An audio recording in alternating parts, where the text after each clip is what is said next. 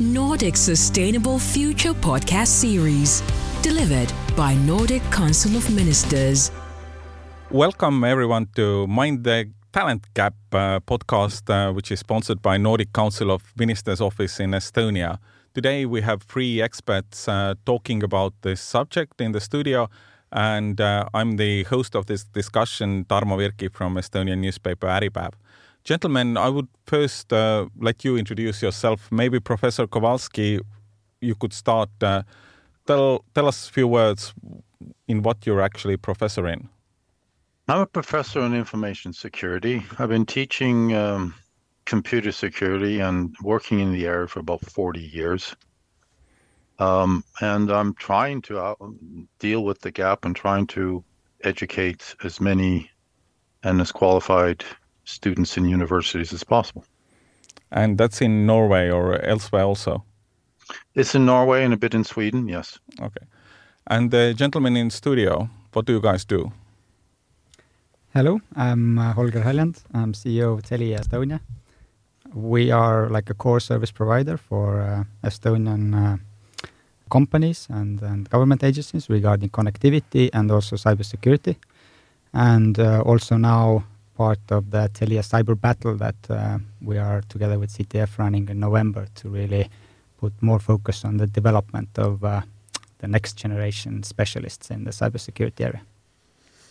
And hello for everybody. My name is Rainer Saks. I'm working for Estonian company called Cybex Technologies as a member of uh, management board, and I'm I'm helped the company to organize this cyber battle event with our sister company, which called CTF Tech.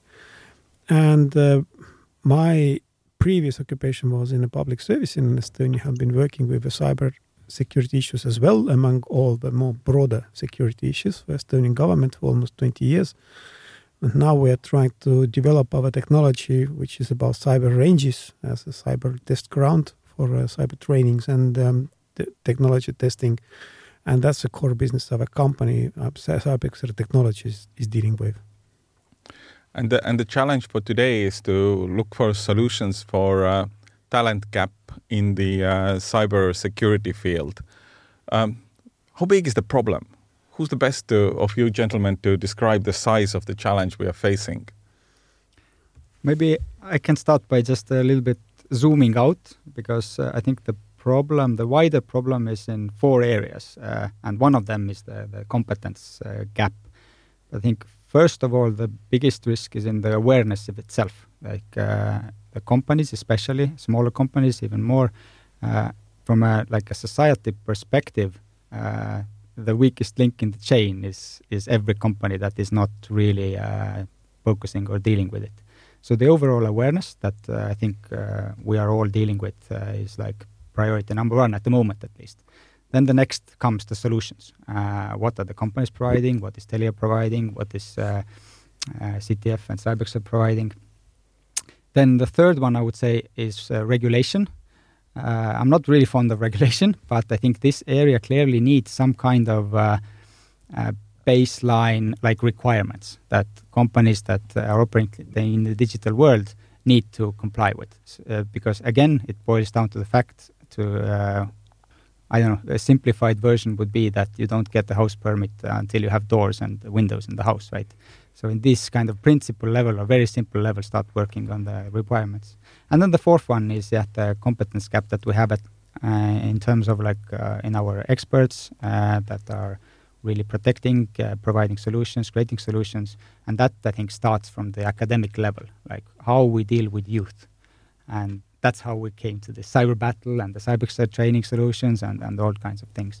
But how big is uh, that gap? I would say that um, it's a hype at the moment as well. So it's uh, very hard to understand uh, also uh, who are the real experts and who are uh, who are not, uh, and and that reflects in the, for example, paychecks. And this means that the people are running after the highest paycheck and then it's like what do we have he uh, left here in Estonia because uh, as companies in Estonia operating what can we afford so I think uh, we are still in the phase of like understanding uh, how to organize in this space which is new for everyone Mm. But going the segue to the academic uh, gap in terms of the confidence, etc.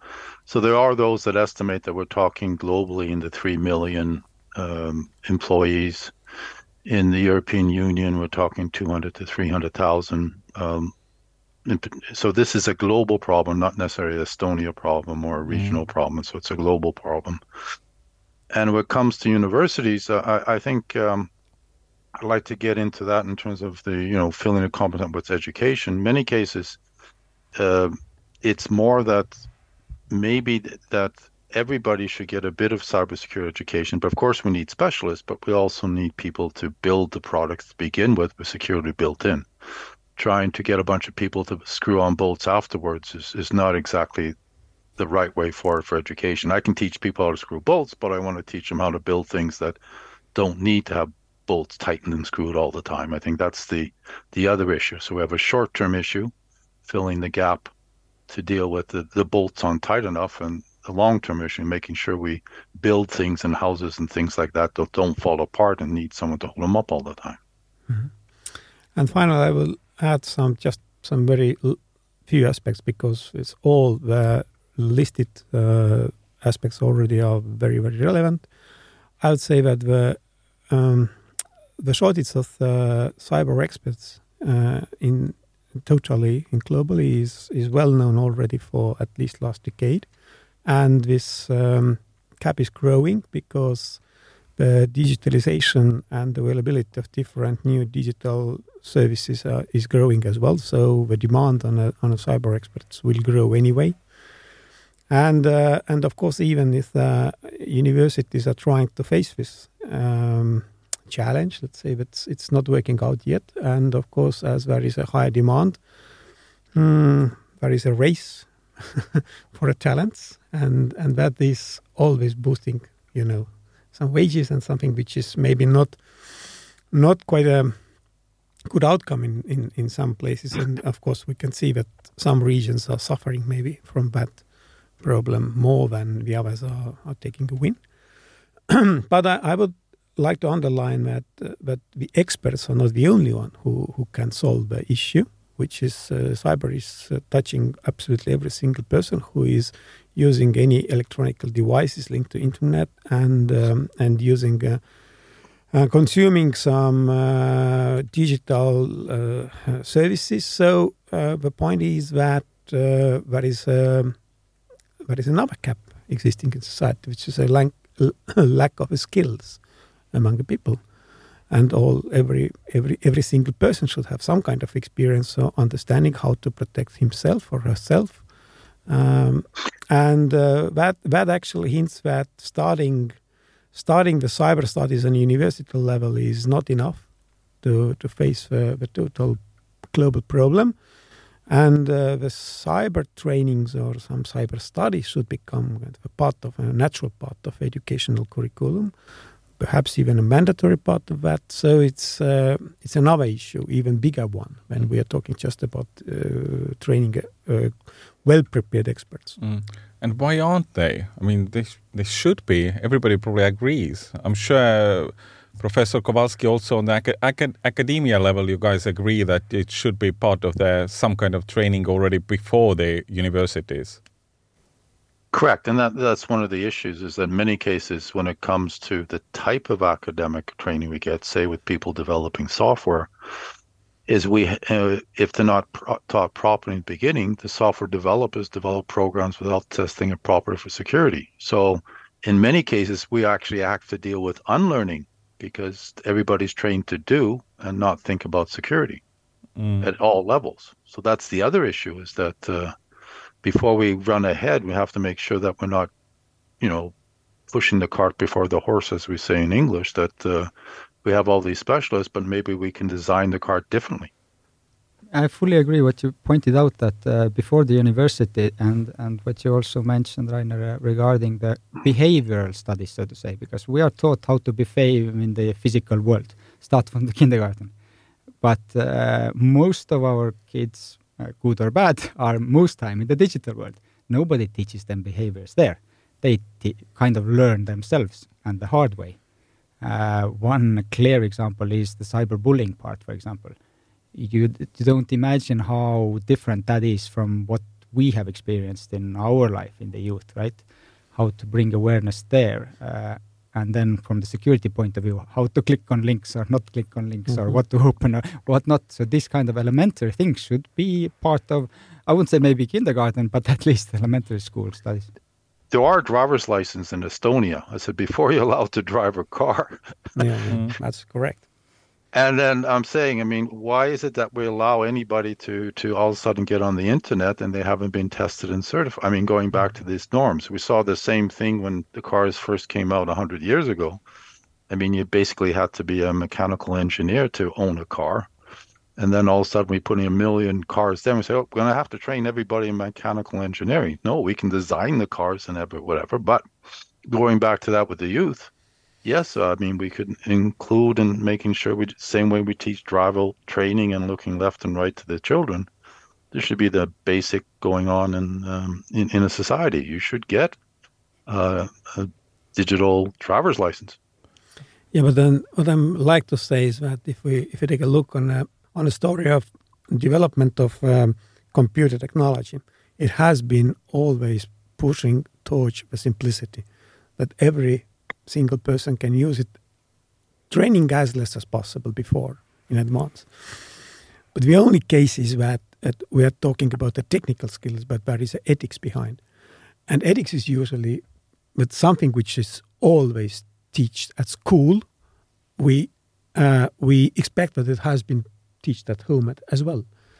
But here we are facing another problem that if an older generation in, in a lot of countries is not using the internet like on a daily basis as um, as like comfortably like the, the young generation is doing. The older generation is not aware about the problems and is not capable to teach the ethics and correct behavioring in this field, and uh, and the threats as well. So here we should expect absolutely reverse attitude in in a society that younger generations should teach their parents and grandparents actually what is right or wrong in this field.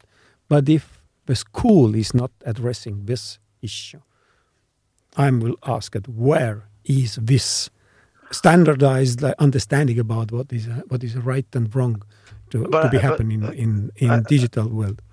Right, but I'm not exactly sure what the role. I mean, on Estonia, you might have that ethic is taught in the schools, etc., etc. But mm. what I'm seeing from an observation perspective is the youth is spending four hours a day playing computer games. Only four. So, on an average, if oh. we go back to average and medium, etc. I mean, and I, I think what we should be doing, and going back to where do you learn that, your behavior is learned by the games you play. So somehow we should be, in a sense, looking at this, I mean, I guess a lot of you have never seen it, but do you know that Monopoly has a cheaters game? They learn how to cheat, they learn how to behave in these types of games. So we have to sort of start getting in and maybe looking at where do they learn their behavior, and it's from to a large extent within this environment. So I mean, if you say we're going to do this, whatever, but they learn to cheat in computer games right away. I mean, it's part of the game now. Mm. And how are we going to stop that? I mean, we can talk about ethics, but then if they spend four, six hours a day playing a game and two hours cheating in the game, it's sort of like embedded there, isn't it? Absolutely. But um, is it then, uh, you know, the specialist's job to solve it? Is that the 200 to 300,000 specialists we are lacking in Europe who should be solving the problem if the kind of the problem across the society is so wide that uh, it's like uh, you know we can't do much about it. You want me to answer something else? I, no, it's not. no, that's a clear answer. but uh, no, this is a general. This is a social technical problem, and it has mm-hmm. to be solved through social technical means. So governments. Oh, cooperation between the public and private sector, yes, mm-hmm. um, definitely, um, and then and should the industry regulate itself when it comes, say, going back to the gaming industry? We tried to regulate that, etc. But whether as to this should be a private or a public issue, um, I don't know. But what I do know is that cybersecurity is a public good, and it should mm-hmm. be regulated as a public good, same way that traffic is regulated. True. Uh, I think you guys have some examples from the from the local cooperation of the private and the and the public sector. I mean, in a, in a way, the, the whole November competition is the example of the cooperation, right? Yes, and uh, coming back to the first point that uh, that needs everyone's attention is the awareness building. So uh, I think that is something that we're doing well together in the private sector and also together with the public sector. Uh, there have been campaigns. Uh, probably have seen at least in, in Estonia we have like uh, it's going to be now November. That's the cybersecurity month where where we uh, we jointly push for this awareness because and that uh, that that is work, working to some extent, but and we have some good examples also in the. I mentioned the cyberbullying part because that's like a little bit like the ethics or the norms, and I wouldn't say that we have to create and enforce something, but how to create awareness that uh, what is good and what is bad. So it comes back to your home education, digital or not, like how to behave, how to care for others, what is compassion, and all those things. These are like home norms. How to bring that to digital, that digital life is a similar life that your physical life. But I would agree that that's a life like you live at home, like you treat physical people, like you talk to your own family. Why should you treat uh, the digital world any different? and I think uh, the the cyberbullying like awareness campaign has really like uh, put your like mind to your uh, like ethics part or, or or putting that awareness that why would you do this kind of harm to another person? Why would you watch somebody else do this harm to another person? Why don't you act there when you would in the physical world? So this kind of things if you start uh, that awareness or a training uh, comparing to your physical world i think that's like a first step that you would treat that world similarly because I think uh, we haven't had that and then the games come in and the games create your uh, rules for the world but actually the rules should be exactly the same right? So but, but uh, yeah that's how we have but in terms of technological development when the TV was first introduced the joke was is that the TV brought someone into the living room that you wouldn't allow into your house mm. and now internet is bringing someone into your bedroom you wouldn't allow into your house so I, I think in terms of the the bullying, etc., that's something that goes on, and maybe it's more, etc. But we have to look at the fact that there's a criminal element to this. So it's not just bullying. The real cybersecurity problem is that the the criminals are in the playground, right? And they're selling. Yeah, how can I put it? I'm saying selling drugs, but they're selling a social media type of thing that is affecting this. We're inviting people so the ethics is fine, but then we have to figure out how to regulate that in a sense, since we're inviting the the bad guys into our house only. It's not just us talking, but we, we have bad guys sitting in the house too, no? Yes, yes, fully agree. And maybe that's a little bit different examples. Uh, the, uh, the bad guys example would be the house without doors and windows, right? Where mm-hmm. we have to create the awareness that, hey, your company is without doors and windows. Yeah. Uh, and then, yeah, that is uh, what you need uh, yeah. experts and solutions for. And that's that's true because it's uh, the experts saw this is not just the only issue, as I mentioned already, but the, the lack of skills of, of mm. ordinary people as well. And um, the problem is that in a, in a natural school curriculum, you, you you you face this problem a little bit, but usually it's like it has done like uh, some kind of um, briefing. Don't do this, don't do that. But what what we uh, like to do in, in our program is to, to give a practical experience of defending.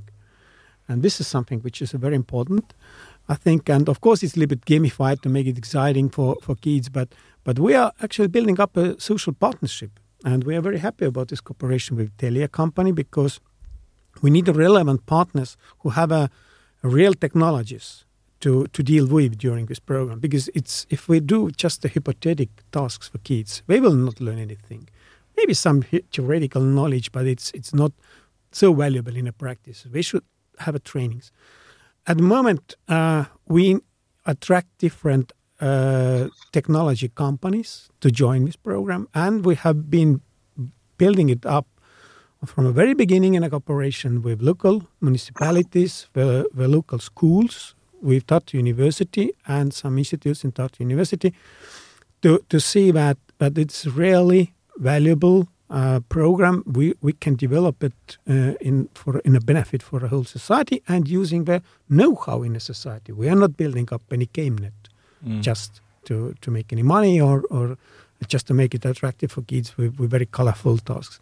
So um, we we're trying to, and thanks for cooperation with uh, Minister of Nordic Councils, Nordic countries, we can see that that it's it's possible to engage the teachers and to to make like these steps in a forward to to to help to generate something really functional maybe in one day in a society. But as we a technology company we have never been capable to create like training program for whole society it's something which we are not capable to reach that's why we need this cooperation with with uh, uh, government institutions and and university schools uh, to to push m- more faster and forward. But but at the moment, I would say that it's still like one small program. It it will not solve a big issue in a society. But still, I think it's a very good mm. step Stop. because. Uh, as uh, professor mentioned also there are a lot of games that uh, teach you how to be a criminal mm. there are much less games how to teach you how to be uh, good guys so to say so I think that is like also creating the attractiveness for this profession from a societal beneficial and, and good perspective. And in the end, it like personally boils down to again ethics to choose good or bad. But today you have very few options to really focus on the, the good uh, good so stuff. One of our slogans was that we have to reach kids before the criminals are doing that. One of the games that we're experimenting with, we call it it's called a mega game and it's called CS Technopoly. So basically, we try and teach our kids about economics through Monopoly. So we're experimenting with a game called CS Technopoly, where it's it's similar to some extent in, in terms of the training. Uh, and the idea is that anybody can play the CS Technopoly game. But when we designed the game, one of the things I'm seeing with the competitions, etc., it's good about this uh, cybercation is a team sport, that cybersecurity is a team sport. One of the things you see yeah. with a lot of the training, you're training in individuals. And it's a good idea to train people as teams because, as I usually say, I mean, we train a bunch of people to play ping pong, then we ask them to play soccer. Mm. And it's, it's, so they don't know how to pass. They never learn how to pass in ping pong, as far as I know. It'd be good if you could, but they never do. And that's one of the problems. We have to train them to interact as as group individuals because cybersecurity is a team sport. Exactly. And that's what's good about cybercation in a sense is you teach them as a team, but we need to have teams of different types of individuals. Mm-hmm. And exactly what we're doing in cyber yeah, that's right. training. And we, we start with individual training, but we move on the next level, on next phases, and the competition is taking place. It's already before between the teams, and and this um, team competition and team training is a very important part of that uh, ideology that we we are trying to develop in during in this program. So it's, I think it's um, mm, something which kids can really take with them is that uh, you, you are you are not acting alone and. And if you have a really good team and you are capable in team performance, you, you may be very, very successful. Mm. But one of the things we don't teach well enough, I think, in terms of the team sports is the unfortunate thing in cyberspace is that you have to decide to click, you have to take risk. How do we t- teach people to take the appropriate risk in the behavior? Because, I mean, you can be paranoid and cautious, etc. But the point is, is that by definition, we take risk in cyberspace, and it's how do you judge the risk and how do you share information? And it's this risk aspect of it that's interesting that we're missing because people will, as I say, they, they share information all the time, but do they realize what risk they're taking? How do we train them to understand the risk in cyberspace and communicate the risk in cyberspace? Mm-hmm. True, and as uh, at the point when we understand as a society where that risk is, that's probably the point where the criminals are, you know, ready, ready to play our understanding. Yes, yes. So, and, and and how do you train for that? Because it's a different type of risk you're taking in the internet. You're taking, as say, with you risk losing your privacy, you risk losing pictures of yourself, etc., etc. And how do you judge that risk in a, a, modern society? Do we actually train them to deal with the risk and communicate that risk appropriately? It's good that we train them how to defend, but we have to get them to realize that security is a means, not an end. So now the question is how to scale, right? Yeah. We have uh, taken some steps, uh, but it's very niche. So uh, it, it gives a good example, but they have now already, at the moment, all kinds of topics on the table in terms of how to reach the correct audience and how to train the exact uh, competencies or the risk taking or management or leadership and teamwork. Uh, but how to now really get this into into the schools or what is what is the actual channel that uh, we should target or who are the partners then that uh, we should talk to But in terms of education and safety, I mean, in our languages, we have difference in the Scandinavian countries, and safety and security are the same. I mean, we want them to go play to do skateboard and exercise, etc., but we want them to wear a helmet. How do we train them that okay, you can still have fun and go skateboarding on the internet and do this and this, but make sure you have the right helmet. I think that's the next level we have to get to. Yeah, but we have to start anyway because if we, we are just talking with each other and, and, and trying to you know, figure out the safest way to do it, then we will be losing. Because I I always starting like explaining our Estonian e-government functionality from a program which was called uh, Tigerleap, which was not directly linked to uh, to uh, e-government different uh, implementation, but uh, for training at schools, just elementary school students uh, with computer skills from scratch in a, in the beginning of 90s or it was 1993 or 4 when it was the first pilot projects were started. So it, this is a core issue. If you, if you don't have this kind of a basic studies on, on an elementary level already at school it's it's not working out anyway. But you have to start. If you're just if you know if you're too scared about implement something and, and to run it and improve it and fix it if it needed then it's it's not functional i think and if i may uh, i would bring in uh, another angle from this that uh, uh, the uh, audience part that who should be targeted who should be reached and we're quite uh, largely missing the female part of Yeah. the audience Yeah. like yeah.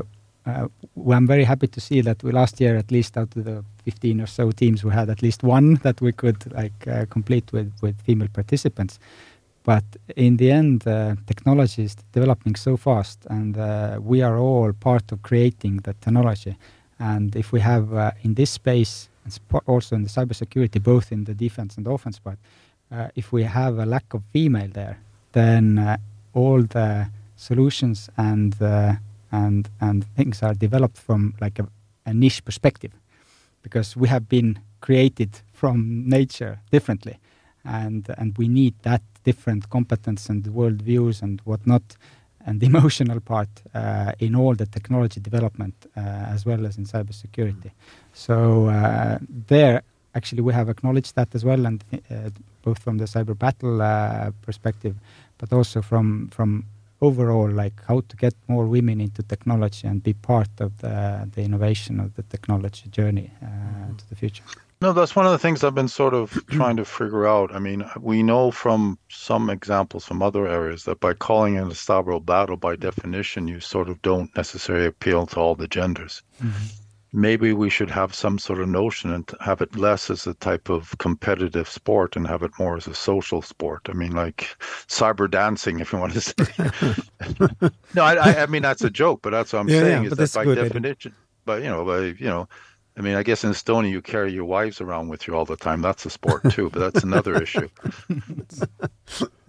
but but that's the point. We have to make it more like a cyber dance than a cybercation, a cyber battle, because I think uh, you're going to get more people and get a broader audience if we call it a instead of a cybercation, we call it a cyber dance hop or something like that, and getting people involved and have security there. I'm, I'm not the I'm not the expert to, to say that what's what's about the girls in in uh, in technology and why it's going in a way because it's somehow linked to this kind of a traditional way of living in the past, and uh, that's that's a different story. But we we have been trying to to make some kind of efforts to engage girls to this program, and been little bit doing some efforts to to approach them separately and differently, but uh, we're just just private commercial companies, we are not capable to solve this issue. My observation is that if we start uh, as early as possible with these kind of trainings, the outcome in in the terms of tender balance will be much better. But one of the things we're looking at too in terms of developing this, so now when we have our cyber competitions, in a sense, we have these games, we we say that the goal of the team is to both get a sustainable and secure product. So we're evolving other characteristics of products, not its security, because by definition we have to have these both, and by having other types of cross skill goals. So we want to have a sustainability expert and a security expert working together or training together so they think of the whole system. So first, yes, to fill the gap, we have to do this, but we want to involve more people by including other aspects and just security in the actual competition. Yes, uh, I think the cybersecurity part, like uh, evolutionarily, grew out of the IT developments, right? So uh, we were very fast in the digitalization part. We developed all kinds of great solutions, and we kind of forgot about the security part. But it actually is an integral part. I think you mentioned also before that from the design, from the architecture, it's it needs to be integrated, uh, and that's why, yeah, at some point, maybe today, we are still we need to just uh, run after a little bit with the cybersecurity part and really put more effort there to develop the experts, focus on the training. But at some point, it will be same. It will be like uh, one competence patch, like how to develop digital service and run it. Well, it's interesting. In Japan, they have these competitions in terms of, and the companies, of course, they have to maintain. The competition is about both cybersecurity, but the one who wins the competition in terms of the different companies and competing in terms of red blue team is the one that still makes money. Not necessarily one that has the best security. Mm. it's the one at the end of the competition still has money. So we design the game to be more realistic and it's not whether you have the best security it's whether you have the best security and the best profitability at the end of the game to make it more realistic because yeah, you can make it so secure that it's unusable, right? Yeah, absolutely. Yeah. No, in the game itself, you have that. You have to decide how much mm-hmm. you're going to invest in production mm-hmm. in the game and how much in defense, and then it's a balance because, yes. uh, as I say, th- then it's funny because that's something that they do in the Japanese games. They they it's not the one. It's the manufacturer at the end of the game that can still keep producing widgets the most that wins, not the one that has the best security. Yeah, Absolutely, but but our program is hitting uh, not the talents as such, but but uh, uh, high school students who doesn't have necessary any experience before. Mm. yes. That's very important. But we we're trying to find this kind of a broad approach and and, and present or or demonstrate that that it's possible to to learn that kind of uh, skills quite in a, in a long, a short, sorry, short period and to become quite advanced in very limited time. But you have to train. Of course, you have to train. It's it's it's not working out in any other way. Uh, the only point is that uh, somebody has to provide them this kind of a decent environment, and that's not the cheapest actually uh, technology at the moment, global. Uh, maybe one of the questions as we slowly start to wrap up this: What about the kind of Nordic cooperation? I mean, we have this uh, event happening in Estonia. We have a few people, few teams coming across from the Nordics. I mean, is there a way to drive more of the cooperation? I mean, Holger, you're representing actually the cross Nordic companies local unit here in Estonia. Are you driving it across Telia network to with a similar mission, or is it something which is done often separately? Well, as the cybersecurity in good and bad is a very global thing uh, in terms of your security, but in terms of competence, in terms of people. And yeah, that's why it's a good match between uh, CTF and the cyber battle and Telia because we both like operate in the Nordics and Baltics. So, so yes, this gives us this footprint that uh, the telco and IT and security business that we are in in Estonia as Telia, it's the same that we are dealing with in, in other Nordic and Baltic countries.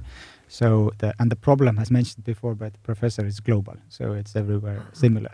So yes, we are doing this uh, commonly across Nordics and Baltics. One of the things we're working on educational, we do have programs between Finland and Norway in terms of the competitions, Norway, the Norwegian University of Science and Technology, is hold, hosting the European Cybersecurity Challenge in Hamar this year. So we will have uh, the European teams all competing in Lillehammer. We have about 400 participants participating all together in a giant capture the flag competitions.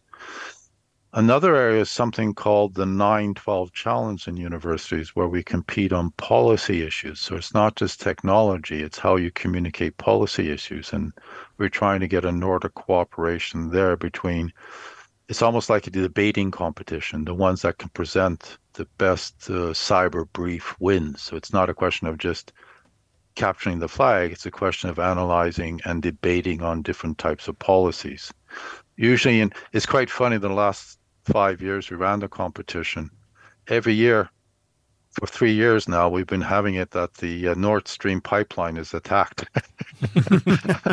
I, I, I, don't know if we gave ideas to something, whatever, but uh, and then how should we defend against that? So we're trying to do it not only at the technical level, but also at the the uh, political and policy level, where they compete on on these policies. And this is called the nine twelve competition, where we compete on at the debating levels between master students. So we have cooperation there. But I'm looking forward to maybe if anybody's interested to come to Norway in October and see the European Cybersecurity Olympics when it comes to that. So it'd be right after, I guess, the uh, Cyber Nation. Uh, you have it on the Cybercation song. Uh, our competition take place. The final competition is taking place in the beginning of November in, in Tartu City. Yeah, so be, uh, you can come first and see the the big, yeah. the rather With ones. pleasure, in, in, of course. Yeah. and, and, and that's interesting because Mm. it's uh, you you have competed. Estonia has competed in it many a time too, in the um, European Cyber Challenge. But what I can see the potential in a cooperation with the Nordic countries, especially, is that as we, we have a quite a similar educational systems and we, we share pretty much the same values, and uh, there are a lot of uh, technology companies which are operating in all these Nordic countries, like Telia is doing. So this is a very good ground for uh, for interaction in in the future. And as there is a political cooperation between the countries, is quite well developed. It's much easier to to develop uh, the educational programs as well. Uh, unfortunately, usually the European foundations and some others are um, uh, educational foundations supporting exchange of students, but not a kind of a common program so much. Or we're not talking about the, any any sophisticated common studies in that field. You can build up the, the studies on on on such kind of a program as well, or whatever Well, you, you like to to learn. But but um, what I, we are really interested in about is is a cooperation between teachers. Actually, interaction. I'm talking about the high school teachers as well. And and this can be very very interesting part of a project possibly in the future. Absolutely. Uh, For security perspective, one of the Nordic things I've been pushing was, uh, unfortunately, in our field we have security clearance, so we actually have been pushing that at that level of regulation. That if you're security cleared in at one level in Sweden, you can actually work there because we have the same problem with electricians, etc. I mean, if you're certified, going back to the professionals, Mm. If you're certified in one country in this area, if you get certification at the right level, the same way with electricians. An electrician in Sweden can work in Norway. So it'd be Mhm. nice if we start looking at this type of cooperation so we don't have to. Yeah. It's not easy to recruit security That's approved right. staff anywhere in this, That's but it'd be hopefully we can get that. And now with uh, most of the Nordic countries in NATO, that should also become a little bit more easier. I hope so, yes. Well, we're not in there yet. Come on. I mean, Sweden's not there yet. but uh, we already have good exercises on the NATO level. For example, Locked Shields, where also Estonia participates, and and uh, Telia experts participate, and and we have performed really well there. I think uh, last year we were third uh, in the in the in that huge international worldwide uh, cybersecurity challenge. But but as I say, I'd, I'd like to cooperate, uh, take it beyond this, and have these type of competitions when in terms of civil defense too. I think a lot when we have the military competition, fine, but I think that cybersecurity is going to have to get in cooperation from the civil defense perspective. I know civil defense is a bit different in Estonia than other countries, but that's another area that's going to be problems with. It's in Mhm. terms of hybrid warfare, etc. So we have to start cooperating there and can support each other uh, uh, from a civil defense perspective also, because I'm sure that these things are going to get cyber attacked as we speak. Exactly. Hopefully, we are not cyber attacked, and the podcast will be published uh, nicely, and people can listen it. Uh, thanks, gentlemen, for this discussion. You're welcome. enlightening. You're welcome, yeah. Thank you all. Thank you. Thank you.